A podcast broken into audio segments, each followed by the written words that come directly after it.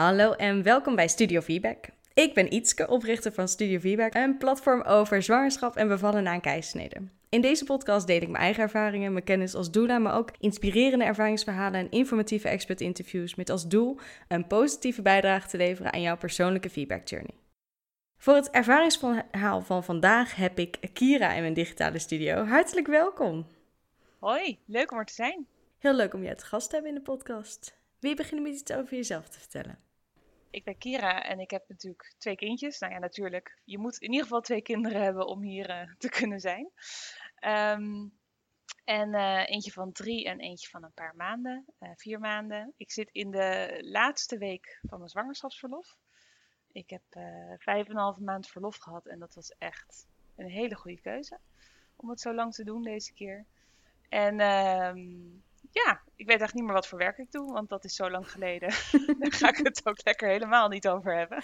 Heel goed. Heb je gebruik gemaakt van de nieuwe regeling uh, met het uh, ja. betaald ouderschapsverlof? Een tot paar 70% weken. betaald. Ja, precies. Ik heb een paar weken dat gedaan en ik heb een uh, paar weken vakantie opgenomen, want ik had heel veel vakantiedagen. En, um, en mijn kindje is te laat, of nou ja, tien dagen na de uitrekendatum geboren. Dus uh, nou ja, dat tikt ook nog even lekker aan. Heel en ik fijn. ga ook nog wel meer van dat nieuwe ouderschapsverlof opnemen de komende tijd. Ja, dus, uh, ja fijn ja. dat die optie er nu is. Zeker. Lekker, helemaal goed. Ja, je, wat je zegt, uh, je hebt minstens twee kinderen als je hier komt. En uh, dus ook minstens twee bevallingsverhalen. Hoe is het uh, verhaal van je, van je oudste? Ja, dat, dat is de zomer van 2019. Um, uh, was ik uitgerekend in augustus. En um, nou, ik had in principe gewoon een hele fijne zwangerschap. En ik had er echt heel veel zin in. Ik wilde heel graag een thuisbevalling eigenlijk. Woonde op een plek waar dat ook best wel goed kon. we gaan een grondappartement vlakbij een ziekenhuis in de buurt. Dus dat voelde allemaal heel relaxer van. Ik dacht, nou, dat durf ik wel aan met de eerste. Dus ik, ja, dan loop je toch een beetje onbevangen zo'n hele zwangerschap door als het allemaal gewoon goed gaat. Um, totdat met 33 weken, uh, was ik nog een keer bij de verloskundige. En toen zei ik, ja, volgens mij klopt er toch iets niet met hoe ze ligt. En uh, nou, even echo erop. En oh ja, ze ligt in stuit. Nou, de verloskundige zei 33 weken, kan nog allemaal veranderen. Alle tijd. En ik dacht, ja, oké, uh, maar ze was wel ingedaald al. En, dus ik dacht, nou ja, we zullen het zien. En ik dacht, nou, als zij zeggen met 36 weken pas draaien, dan, dan, dan doen we dat zo. En nou, 36 weken nog steeds in stuit. Leuk, extra echo, weet je, want dan kan je natuurlijk ook dat hoofdje goed zien, omdat het ja, boven ligt. Um, nou, de eerste draaipoging, die, die lukte niet. Tweede draaipoging in het ziekenhuis, die lukte ook niet. Dus ja, ik had een kind in stuit. En dan gaat gelijk het gesprek van, wil je een, een geplande keissnede of wil je een stuitbevalling doen? Um, ik had altijd wel een soort van gevoel van ik zou dat ik niet bij mijn eerste een geplande keizersnede wilde, omdat ik dacht, ja, dan, dan mis je een eind, uh, het laatste stukje zeg maar. En wat betekent dat voor het kindje? En dat, dat voelde niet goed, die keuze. Dus ik ging voor een stuitbevalling. En uh, ik heb me uiteindelijk laten doorverwijzen naar OVG West. Ik woon zelf in Haarlem, maar omdat OVG West in Amsterdam heel dichtbij is, uh, kon dat. En met medische indicatie kan dat ook. Omdat ze daar uh, enorme expertise hebben met stuitbevallingen. Dus, um, ja, nou, en dat is eigenlijk ook de, de belangrijkste factor, uh, volgens mij, wat je, wat je in de hand hebt voor een, een ja. succesvolle, uh, mooie stuitbevalling, is dat de ervaring ja. van het team er is. Ja, zeker. Ja, en dat, dat was voor mij ook wel, ja, mensen reageerden wel op van, jeetje, ga jij een stuitbevalling doen? En ja, wist ik veel waar ik aan begon. Dat weet je natuurlijk sowieso niet met je eerste. Um, maar ik dacht, ja, weet je, als ik een, ziekenhuis kies waar ze gewoon echt veel vertrouwen daarin hebben, dan, uh, dan, wil, ik dat, uh, dan wil ik dat wel proberen. En daar ben ik ook echt heel erg blij mee geweest met die keuze. Um, dus, nou ja, daar, daar nou ja, kwam ik dan vanaf 36 weken onder behandeling. Ik vond het wel heel pijnlijk ineens, die realisatie van, hè, ik word nu medisch en ik kom nu gewoon niet meer bij de verloskundige. En dat ze ook echt zo aan de telefoon zeiden van, ja, hier houdt de zorg voor ons op. Weet je wel, letterlijk. Dat, dat yeah. vond ik een. Uh, daar had ik me niet zo echt op voorbereid. En dat, vond, dat was wel even, ja, even wennen. Um, maar goed, in het ziekenhuis was het allemaal heel fijn. En uh, uh, toen richting de uitgerekende datum maakte zich wel zorgen om de grootte eh, van, van mijn babytje. Want ze zeiden stuitbevallingen van een baby boven de 4 kilo doen we niet. Daar voelen wij ons niet comfortabel bij. Hè. De, de bewijs is er niet voor dat dat... Wat, ja, wat dan de gevolgen zijn voor het kind. En het is natuurlijk al risicovolle bevalling. Nou, zij leek inderdaad rond de uitgerekende datum 4 kilo te zijn. Dus ben ik vlak daarvoor ingeleid. Nou, ze was uiteindelijk 3,8, dus we zaten er niet heel ver vandaan. Um, en uh, ja, dat inleiden was met, ja, gewoon zoals het gaat volgens het boekje, een ballon. Duurde een hele dag voordat er iets uh, gebeurde. Maar toen hij eruit kwam, bleek ik al op 5 centimeter te zitten. Dus Kijk. toen dacht ik, nou, en ik had al een beetje, we waren nog spelletjes aan het spelen, mijn man en ik. En ik kon me steeds minder goed concentreren erop, weet je wel. Dat, dat ik toch een beetje dacht, hè, het zit allemaal niet meer zo lekker in mijn buik, meer krampen. En, uh, dus ik had al wel door dat er iets gebeurde, maar toen was het, oh, nou, 5 centimeter. Oh, nou, dat, dat gaat eigenlijk wel lekker. En uh, vliezen gebroken, er kwam er echt nog een enorme golf, echt de oceaan nog ongeveer uit. Dus ze had het echt nog super goed, mijn dochtertje. Die, uh, die dacht, uh, die was nooit uit zichzelf gekomen nog. Uh, was wel duidelijk. En toen hebben ze eventjes gewoon mijn lichaam het laten oppakken, kijken of er iets gebeurde. Nou, toen na een uur of anderhalf, twee zat ik nog steeds op 6 centimeter. Toen uh, weeënopwekkers en die weeën werden echt wel pittig, pittig, pittig. En uiteindelijk echt dat ik dat je gewoon echt, ik kon niks meer horen. Ik moest, had al mijn aandacht nodig om die, uh, die weeën weg te zuchten. En toen na ja, rond half elf s'avonds, dus mijn vliezen waren om, om zes uur gebroken, om acht uur oxytocine-infuus, zeg maar, even grofweg gezegd. En om half elf s'avonds kwam ineens de gynaecoloog de kamer binnen en die zei van, dit gaat niet goed. En mijn man had het inmiddels al op het CTG-scherm gezien, want haar hartslag ging... Je hoort heel vaak dat de hartslag zakt van de baby, maar haar hartslag ging richting de 190, 200. En dat, was, uh, nou, dat is minstens zo gevaarlijk uh, voor zo'n kindje. En zeker dan nog met zo'n risicovolle stuitbevalling. En ik zat nog steeds op 6 centimeter op dat moment. Er gebeurde ja, niks qua ontsluiting verder. Uh, en zij zat ook nog heel erg hoog, de verloskundige had gevoeld. Nou, alles wees gewoon van, zij is in gevaar en het gaat ook gewoon niet vlot. Dus uh, toen was het, ja, wordt een keizersnede en daar bereid je natuurlijk wel op voor, maar dan, dan lig je daar met die enorm pijnlijke weeën. En dan weet je dat het niet goed gaat met je kindje. Dus het was voor mij echt een soort van, ja, eigenlijk die, die um, hoe zeg je dat?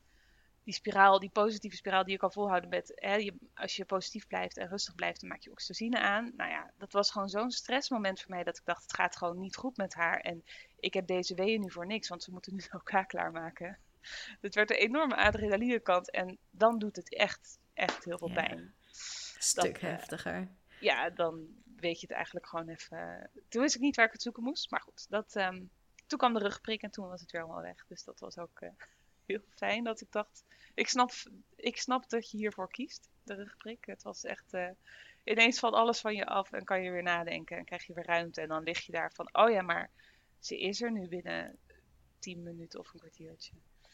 En uh, ik weet nog dat ik mezelf, nou ja, je ligt natuurlijk zo met je armen gespreid. En ik wilde eigenlijk mezelf knijpen van, oké, maar ze komt echt nu bijna. Ze komt, weet je wel, dan ineens ga, moet je die hele omslag maken.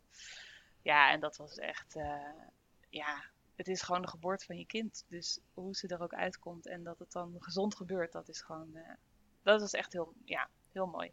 Ik weet al dat ik iedereen in die OK ook echt zo lief vond. En ik was een soort van high ook weer op een bepaalde manier.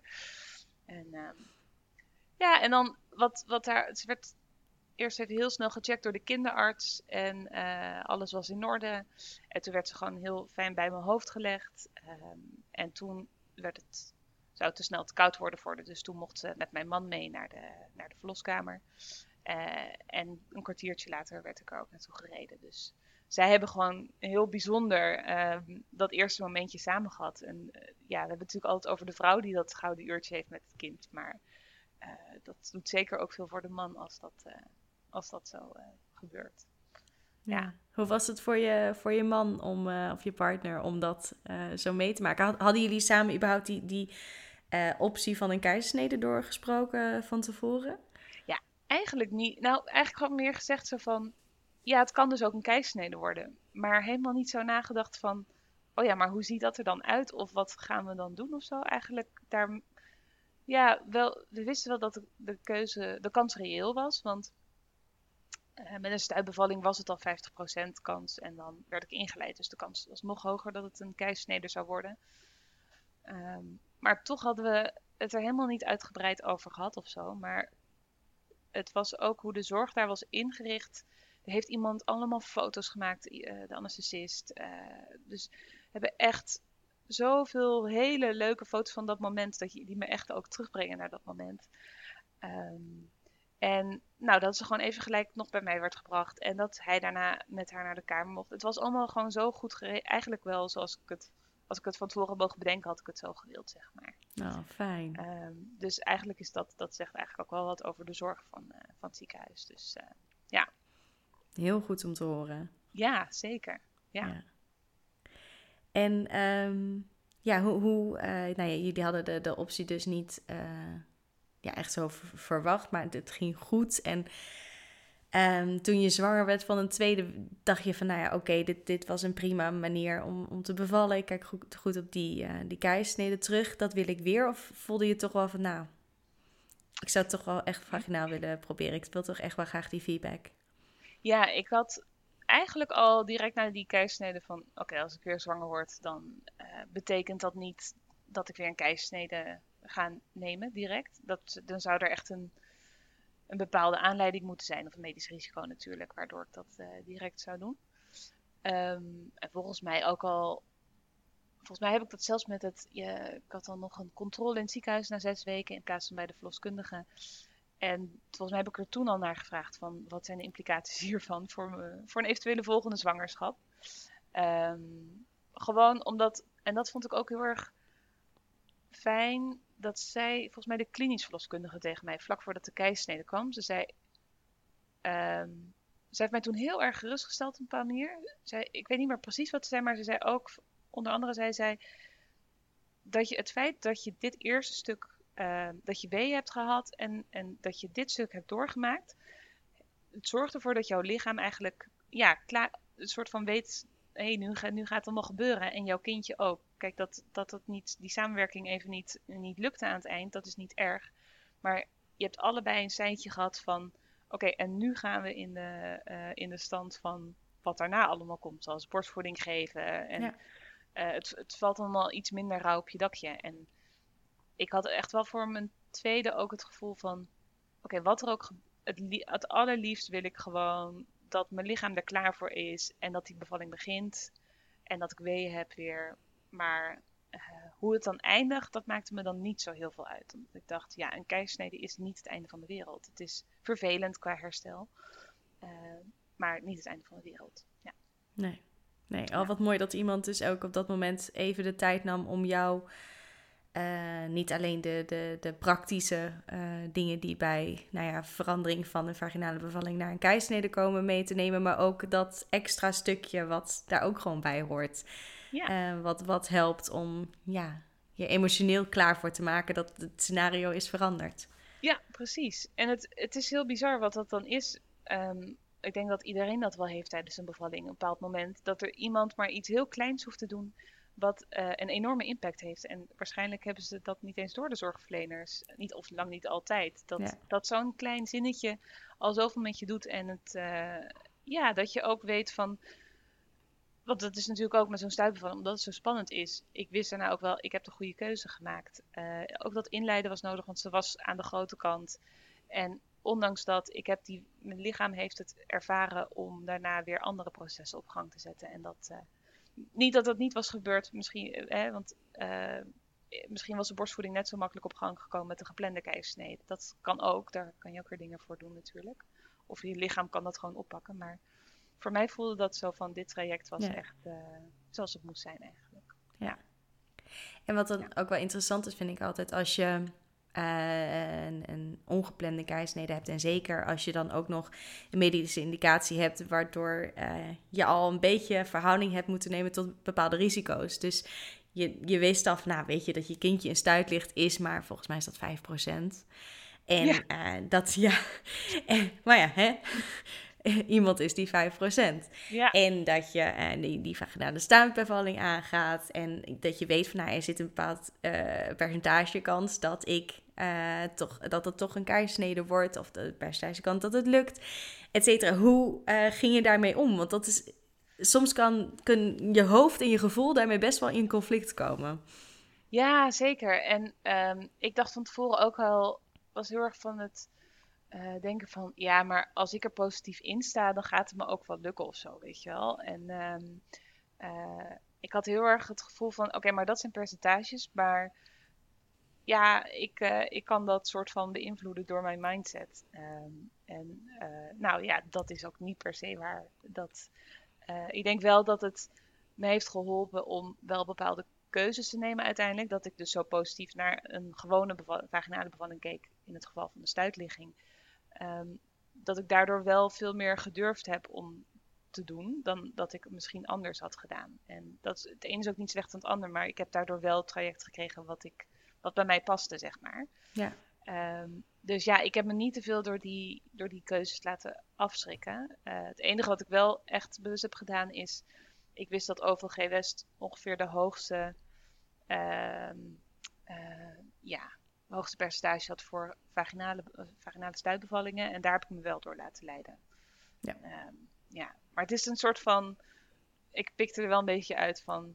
Oh ja, nou, als ik dan maar 60%. Nee, als ik dan maar 40% kans heb, dan, uh, ja, dan hoor ik vast bij die 40. Ja, nee, maar dat is natuurlijk ja. ook gewoon. Van, weet je, als je zegt je hebt 10 vrouwen en vier uh, statistisch gezien hebben dan die vaginale bevalling en, en zes de, de keizersnede. Ja, wie zegt dat jij niet bij die vier hoort? Precies, ja. Hoezo ja. niet? Nee. Ja.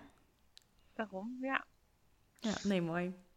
En um, de tweede? Ja. Um, ja, dat was, uh, die is in mei geboren dit jaar. En um, uh, het was een nog makkelijkere zwangerschap. Ik dacht, oh, nou, mijn eerste zwangerschap was misschien wel iets zwaarder dan ik toen dacht. Maar nou, altijd fijn als dan de tweede nog wat makkelijker is. Dus dat ging eigenlijk ook allemaal heel erg goed. En die daalde met uh, 30 weken in. Um, eerst was met 31 weken ingedaald. En, uh, en ik dacht, oh, zo vroeg weer ingedaald. Zou ze nu, die, deze is vast goed gaan liggen. Want, nou ja, het is volgens mij 4% ligt, uh, ligt maar een stuit. Um, nou, en nou, mijn schoonzusje die, die is, uh, die is uh, huisarts in opleiding, dus die ging ook even voelen. Die heeft ook best wel veel ervaring. Dus die zei, nou, ik denk dat zijn hoofdligging ligt, maar je moet mij, mijn woord er niet voor nemen. Dus nou, een week later naar de verloskundige. En iedereen die ik sprak was, nee, maar haar hoofdligging keurig. Ja, dus ik dacht, wat heerlijk, een kind dat gewoon goed gaat liggen, wat makkelijk. En het, was, het werd ja, het was heel makkelijk mijn zwangerschap en alles was. En ik dacht alleen maar, oh wat fijn. En ze ligt zo goed. Dus dit gaat helemaal lukken. Dus, um, uh, nou ja. En daarvoor was ik natuurlijk al in het ziekenhuis geweest met 24 weken. En toen was het een heel fijn open gesprek van, uh, wil je een vaginale bevalling of een geplande? De keuze is helemaal aan jou. Nou ja, dan, ja, dat was gewoon heel normaal dat je dan kiest voor uh, vaginale bevalling. En nou gaan ze, ja, helemaal de trajecten. Maar je, ook met het idee van je mag altijd nog wijzigen van, van keuze. Um, dus ik heb me weer laten doorverwijzen naar hetzelfde ziekenhuis. omdat het dus ook zo'n fijne ervaring was de vorige keer. Um, nou goed, ik hoorde vanaf 30 weken alleen maar hoofdje naar beneden. Dus toen, um, nou vanaf 36 weken overgedragen aan het ziekenhuis. En ik had eigenlijk sinds 24 weken helemaal geen echo meer gehad ik kreeg nog wel corona toen ik uh, 31 weken zwanger was. En toen zeiden ze daarna van, uh, je mag een groeiecho doen uh, als je dat wil. Omdat je natuurlijk nu, uh, we weten niet zo goed wat de besmetting doet. En toen dacht ik, niet, niet vanwege corona of iets, maar ik dacht gewoon, ik wil eigenlijk geen metingen nu. Want soms hoe meer ze meten, hoe meer ze denken te weten. En omdat de groei zo bepalend was bij mijn eerste zwangerschap, en de eerste bevalling. Dat was natuurlijk wel vanwege de stuitligging.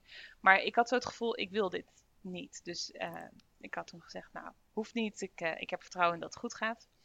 Um, nou, en, maar mijn buik was niet heel erg groot. Maar, en ik dacht ook wel, oké, dit is wel een kleiner kindje dan, dan, uh, dan de eerste. Maar misschien komt die groeispurt nog aan het eind. Want ik moest nog reizen voor werk. En heb gewoon ontzettend veel gedaan. En je hebt er al eentje rondlopen. Dus ik dacht, nou, weet je, die groeispurt komt nog wel. Um, nou, 36 weken, ik met verlof, hele drukke week gehad.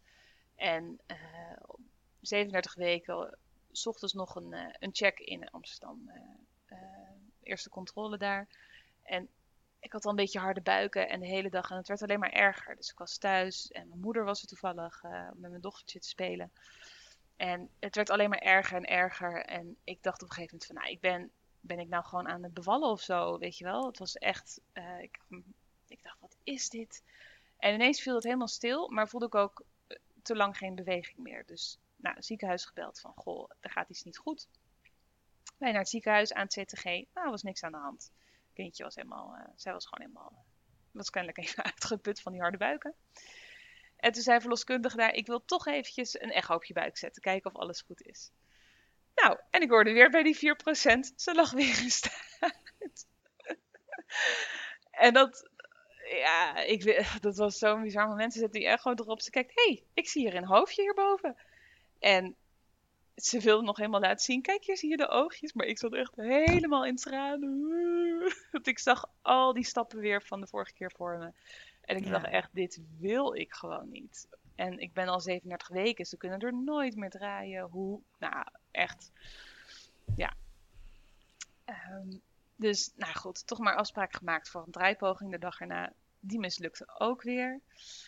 En toen dacht ik eigenlijk van ja, jongens, ga ik dit nog een keer doen, zo'n draaipoging? Ik vond het echt heel pijnlijk. Ik heb enorm diepe ademhaling gehad, maar het is, nou, ik vond dat een van de heftigste dingen ehm, die ik ooit heb meegemaakt. Ik hoor gelukkig ook verhalen van anderen dat het uh, niet per se heel heftig ja, Dat is het gekke. Je hoort zoveel verschillende verhalen over hoe dat wordt ervaren. Ja. Ik vond het ook erg heftig. Ja. um, maar andere, mijn schoonzus heeft het ook gedaan. En die zei, joh, uh, met de poep en de scheet, hop hop, uh, was hij gedraaid. Dat ik denk, nou, Lullig, hè? zo ging het bij mij niet. Nee, Met echt. veel... Ja. echt helemaal, ja, ik weet ook niet, misschien heeft de ligging van de placenta daar ook mee te Ja. maken. Dat ze daar Ja. overheen moet. Want het, En ook dat ze niet willen, blijkbaar. Dat Ja, helpt dat natuurlijk ook niet mee. nee, nee, dat eh, Maar ja, helpt ook niet. Poging dus- 1 lukte niet. Poging 1 lukte niet. Toen hadden ze een afspraak voor de weken nagemaakt. En toen werd ik in het weekend gebeld van kom toch maar op maandag en niet op donderdag pas. Want hè, je bent al eh, dan 37,5 week. En ik dacht, oké, weet je wat, ik doe het gewoon nog één keer. En anders is dit gewoon mijn lot. Dat ik gewoon echt hele, hele stoute kinderen heb. En ehm, nou, die dag lukte het gewoon om weer te draaien. Ik geloofde het gewoon echt niet. Het was echt, ze waren klaar. En ik zei, nee, dit kan, nee, het is nog niet klaar, toch? En echo erop, ja, het is gelukt. En elke check daarna van, oké, hè, weet je, het ook weer gecheckt. Maar ze bleef gewoon goed liggen toen met het hoofd naar beneden. Ehm, alleen toen ze gedraaid was, toen nou, moet je weer aan het CTG om natuurlijk te kijken, gaat dat hartje goed? Toen, ehm, toen was het hartje goed. Eh, alleen ze ging niet bewegen. Ze wilde eigenlijk ook nog zien dat zij bewoog en dat dan ook haar hartslag stabiel bleef. Maar nou, ze heeft gewoon drie uur liggen tukken ongeveer in die buik. Voordat ze eens een keer ging bewegen. Nou, toen maakte ze zich wel een beetje zorgen bij het ziekenhuis. Want ze zeiden wel van... Ja, we weten gewoon niet zo goed hoe goed het met haar gaat. Dus we gaan een goede echo maken. Nou, we moesten toch een goede echo. Dat ik ook dacht, ja, ik wil ook wel gewoon weten of het goed met... eh, Als dit een van de indicaties is, dan, eh, dan wil ik wel een goede echo. En toen kwamen ze erachter dat ze bij de 5% kleinste kinderen hoorden op de groeicurve. Toen dacht ik echt, hè? Dat kan toch niet? Dit is wel heel klein. Maar zeiden ook bij deze termijn, 37,5 week, kunnen we het niet heel zeker zeggen. Nou, dus ik dacht, nou, dat, nou mijn gevoel was helemaal niet in lijn eh, met wat zij zeiden. Maar ze zeiden, ja, we kunnen er ook naast zitten.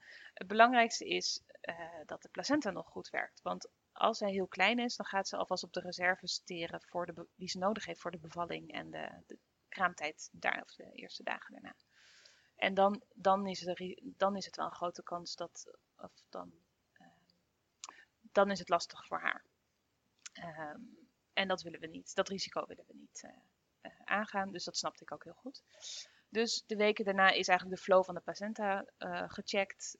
en die bleek heel erg goed te werken. Dus daardoor hadden zij ook het vertrouwen erin van... We zaten er misschien een beetje naast met de meting. En zij krijgt genoeg voedingsstoffen, dus zij kan blijven zitten.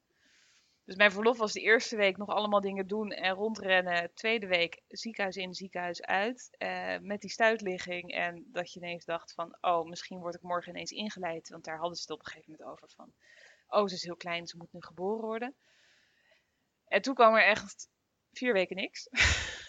Toen bleef ze gewoon liggen en gewoon echt niks doen. En uh, dan zit je echt helemaal op te vreten. Want ik dacht, ja, ik weet niet. Ik had eerst mijn blik op oneindig en ineens moest ik uh, helemaal weer alles bijstellen. En nou, ik wist wel dat ze op een gegeven moment weer over inleiden zouden gaan beginnen in het ziekenhuis. Uh, dat ze tegenwoordig toch liever vanaf 41 weken dat doen. En ik zat er zelf niet zo op te wachten, want eigenlijk was mijn enige wens voor deze bevalling dat het spontaan zou beginnen. Dat het gewoon thuis begon of dat ik zo'n moment had van oeh, nu begint het. En dat ik dan, hé, hey, het is begonnen, kan zeggen tegen mijn man. Dat leek mij gewoon super leuk om mee te maken. Maar tegen het eind uh, begon ik toch ook wel een beetje, met 41 weken begon ik zelf ook wel in te zien van, hmm, dit is niet helemaal fijn meer. En wat als ze wel echt klein is? Wat als er wel iets aan de hand is? Um, ja, toen ben ik een paar keer gestript en toen afleiding, afspraak gemaakt voor inleiding met 41 weken, drie dagen. Echt op een dag waarvan ik dacht, oké, dat is de deadline die ik haar geef. En als ze dan zelf niet komt, ja, dan, dan is dat gewoon zo. En dan zie ik wel gewoon hoe het gaat. Dus ik had er ook helemaal vrede mee. Ik had het idee dat ik het wel, dat ik het wel echt um, zo goed mogelijk kon rekken bij, uh, in het ziekenhuis. Dat, ik, dat ze eigenlijk al met 39 weken zeiden van ga er maar vanuit dat met 40 weken de gynaecoloog erover begint. Die begon er toen niet echt over, maar met 41 weken toen uh, hebben we dat plannetje gemaakt. En toen, uh, nou ja, weer hetzelfde verhaal. Ik kreeg weer een ballon, maar die mocht s'avonds geplaatst worden en dan mochten we naar huis. Dus dat was wel lekker ja, ik vond het wel heel fijn op zich. Omdat je dan, die eerste keer hadden we echt, ja, dat ik het, waren we daar al acht uur voordat, voordat die blond er een keer uitging. En dan zit je al zo'n hele dag in het ziekenhuis. En ja, was wel lekker dat het nu gewoon s'nachts, dat, dat we thuis waren. En ouders was natuurlijk uitlogeren. Um, en toen werd ik ochtends wakker, echt zoals zoveel ochtenden, dat ik dacht, het is weer niet begonnen, weer niet.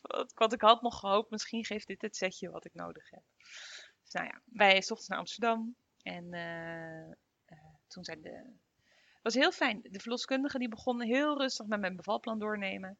Uh, en zeggen wat, wat er allemaal precies mogelijk was. Want ja, sommige dingen van bevalplan waren niet echt meer van toepassing. Um, want ik had bijvoorbeeld erin gezet van eerste uur wil ik, willen we gewoon even rustig in de bubbel komen als ik daar met weeën aankom. Uh, maar ja, ik kwam daar natuurlijk niet met weeën aan. Dus weet je, zulke soort dingen um, uh, waren allemaal niet echt van toepassing uh, meer. Dus daar, we gingen gewoon doornemen wat er allemaal nog van toepassing was en hoe zij dat uh, konden doen. Dus dat was heel relaxed. En toen hebben ze vliezen gebroken. Um, en toen eerst mijn lichaam het zelf een beetje laten doen nou, gebeurde niet zoveel. Dus ik moest weer een beetje denken aan de vorige keer. Weet je wel, wel een beetje uh, onregelmatig gevoel, maar niet zoveel. En um, ja, toen op een gegeven moment na twee uur hebben ze oxytocine gegeven. En het ook een beetje opgehoogd. En toen na een uurtje, toen, toen wilde ik wel een beetje weten waar ik aan toe was. Want het was weer heel onregelmatig, net zoals bij, bij mijn eerste. Um, en toen dacht ik, ja, weet je, dit is gewoon hetzelfde als de vorige keer. Dit gaat het niet worden. En die verloskundigen waren er twee. Zeiden, oh, maar je baarboenenbond is hartstikke goed verstreken. Dus dat gaat echt wel gebeuren. Dat gaat echt wel goed komen. En ik dacht, nee, maar ja, het zal wel. Uh, dit, wordt, dit wordt hem niet. Maar oké, ik doe wel leuk mee. Dus nou, na een uurtje weeopwekkers. Ja, hij zit op drie centimeter. En toen dacht ik, zie je wel, dit, dit doet helemaal niks met mijn lijf. En op dat moment, het was alsof wat toucheren een soort van aanknop had aangezet toen dacht ik echt, wow, oké, nu is het wel even aan. Um, en ik had echt weeën de een na de ander. En die, de piek van de wee begon al na twee seconden. Dus ik voelde hem opkomen, de wee. En eigenlijk was hij al op zijn heftigst. Dus ik wilde eigenlijk dat mijn man me kneep of me aaide. Maar telkens als ik wee zei, dan was, het eigenlijk al, was hij eigenlijk al te laat. Dus dat, uh, dat was echt de hel. En mijn CTG schoof steeds van mijn buik. Dus dat dingen begonnen te piepen. En na een uur dacht ik echt, jongens, dit, dit trek ik niet. Toen zei ik, ik ga gewoon onder de, ik wil onder de douche. Dus nou ja, binnen no time vier mensen om me heen. Iedereen hielp met iets, met CTG in plastic doen voor onder de douche. Dat kon ook allemaal. Dat was echt heel fijn dat dat kon. Uh, uitkleden en uh, nou, toen hing ik zo over een, over een kruk heen, daar aan de mond of een, aan een, over een klapstoel heen. Lekkere warme doek op mijn rug en zo lekker uh, douchestraal. En dat was echt heel fijn. En ik hing daar en ik dacht, ja shit, ik moet persen. Dat kan niet. dus ik, ik moet persen! Hard geroepen. En oh, de verloskundige, ik pak wel even de baarkruk. Want stond in mijn bevalplan. Ik ga heel rustig. Ja, nee, kan allemaal, prima. En ik dacht, ja maar jongens, ik zat iets meer dan een uur geleden op drie centimeter. Dit kan gewoon niet. Nou, toen bleek ik op 8 te zitten. En uh, dus zei, nou, ja, nee, gaat helemaal goed. En, maar toen heb ik dus een soort van, vanaf dat moment, uh, dat, nou, toen was de baarkruk gepakt en zo. Toen duurde het nog ongeveer anderhalf uur. En toen heb ik gewoon anderhalf uur gedacht dat het gewoon niet klopte wat er gebeurde. Omdat ik dacht, ja, maar ik, zou toch weer een keisnede krijgen of zo. Dat was zo, ik was zo oké met die uitkomst. En dat was natuurlijk ook wat ik kende, dat ik gewoon niet me voor kon stellen dat echt mijn kindje geboren ging worden. Dus ik riep echt dus elke week door maar dit kan gewoon niet. Dit kan toch niet? Ik geloof het gewoon niet. op een gegeven moment zei ze, ja, nee, maar ze is echt niet ver meer. Voel zelf maar eventjes. Dus, nou ja, ik dacht, het is nog bijna mijn hele vinger. Dat is nog hartstikke ver wat ze moet. Nee, nee, voor ons is ze er al bijna. Gaat hartstikke goed. En um, nou, toen vlak voor het eind, toen op een gegeven moment, ik gebruikte echt, ik had zoveel kracht, maar ineens stortte ik helemaal in. Dus ik viel ongeveer van die baarkruk af. En toen verloor ik ook wat meer bloed, leek het. Of ook heel veel vruchtwater. Ze wisten eigenlijk niet zo goed wat er gebeurde met mij. Dus toen ben ik heel snel naar bed getild. Uh, of gelopen nog zelfs. En uh, uh, gewoon voor de zekerheid. En toen heb ik daar het laatste kwartiertje gedaan. En ineens zei de verloskundige van, ja, pak er maar. En toen heb ik er, ja, dat was, dat was echt een hele grote verrassing. Heb ik er zelf kunnen aanpakken. En ja, dat was echt, ja, toen geloofde ik het nog steeds niet dat het gelukt was. Oh, wauw. Ja, ja, het was echt dat ik dacht, hè?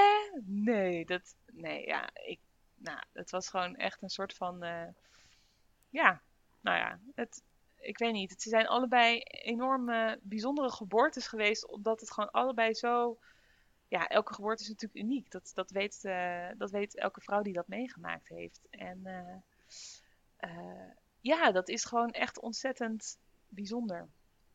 Uh, dat moment. En toen had ik er ook op mijn borst liggen en toen dacht ik, ja, ja shit, ze is wel echt heel erg klein. Enorm hoofd en heel klein lijfje. En uh, ze bleek ook echt heel klein te zijn. Uh, ze worden uiteindelijk bij de 3% kleinste kinderen. Voor de termijn waarop ze geboren werd. Dus dat was ja, een kilo lichter dan haar zus. Dus het is echt de twee uitersten, zeg maar.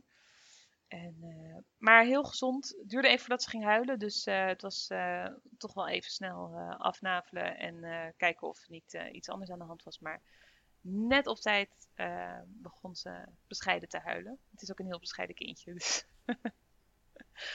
dat, dat was vanaf het begin duidelijk. En ehm, ja, en toen zijn we nog wel gebleven ter observatie, omdat zij zo klein was. Dat ze toch wel haar suiker wilde monitoren. En dat ik ook dacht ja, dat vind ik ook een fijn idee, want ik had totaal niet verwacht dat zij dus zo klein was. Maar ook de kinderarts die, die kwam na twee metingen langs en die zei eigenlijk van, ja, weet je, sommige kinderen zijn klein maar fijn en ze doet het goed, dus we gaan niet bijvoeden. Uh, we vertrouwen erop dat zij het goed doet en uh, ja, nou ja, en die groei, dat, dat is allemaal goed gekomen. Dus ja, heel fijn hoe zij daar ook weer, dat, ja, dat merkte ik echt aan alles in het ziekenhuis zo. Um, was echt heel veel vertrouwen ook in hoe ik me erover voelde. Hè? Ook dat er heel erg naar mij geluisterd werd. Dat ik dacht, oké, ze is niet klein tijdens mijn zwangerschap. Hè? Dat ik dacht, ja, ze is niet klein. Of niet zo groot als haar zus, maar ze is ook niet extreem klein. Maar ik denk dat ik eigenlijk gewoon voelde van, oké, maar het gaat goed met haar. Ze is gezond. En ze was dus wel heel erg klein. Maar mijn lichaam vertrouwde het wel heel erg daar, denk ik. Um, dus dat is een fijne gedachte achteraf, dat ik haar niet uh, onnodige risico's heb uh, gebracht. Daarmee. Nee. En ze konden verder ook geen reden vinden met, met placenta of iets anders wat, uh, wat het kon verklaren. Nee, nou het enige wat ze zagen was dat het vat, het grote vat van de placenta, meer aan de rechterkant zat. En, maar ja, omdat die flow, die hebben ze natuurlijk de laatste weken nog wel gemonitord. En dus de toevoer was, was nog wel goed. Dus uh, de hoeveelheid vruchtwater en zo. Dus ja, ja. dan ja. zou je klein maar fijn dus. Klein maar fijn. Ja, ja. en nu uh, heel gemiddeld. Dus, uh... Ja, top. Zo wil je je kinderen het liefst hebben. Ja, precies. Zeker als ze zo klein zijn. Mm -hmm. um, nee, en je vertelde dat je eigenlijk best wel lang in de ontkenning zat van dat dit echt ging gebeuren en dat je het deed. Ja. En had je een moment dat je echt dacht van, oké, ik heb het gewoon gedaan. Het is gewoon gelukt.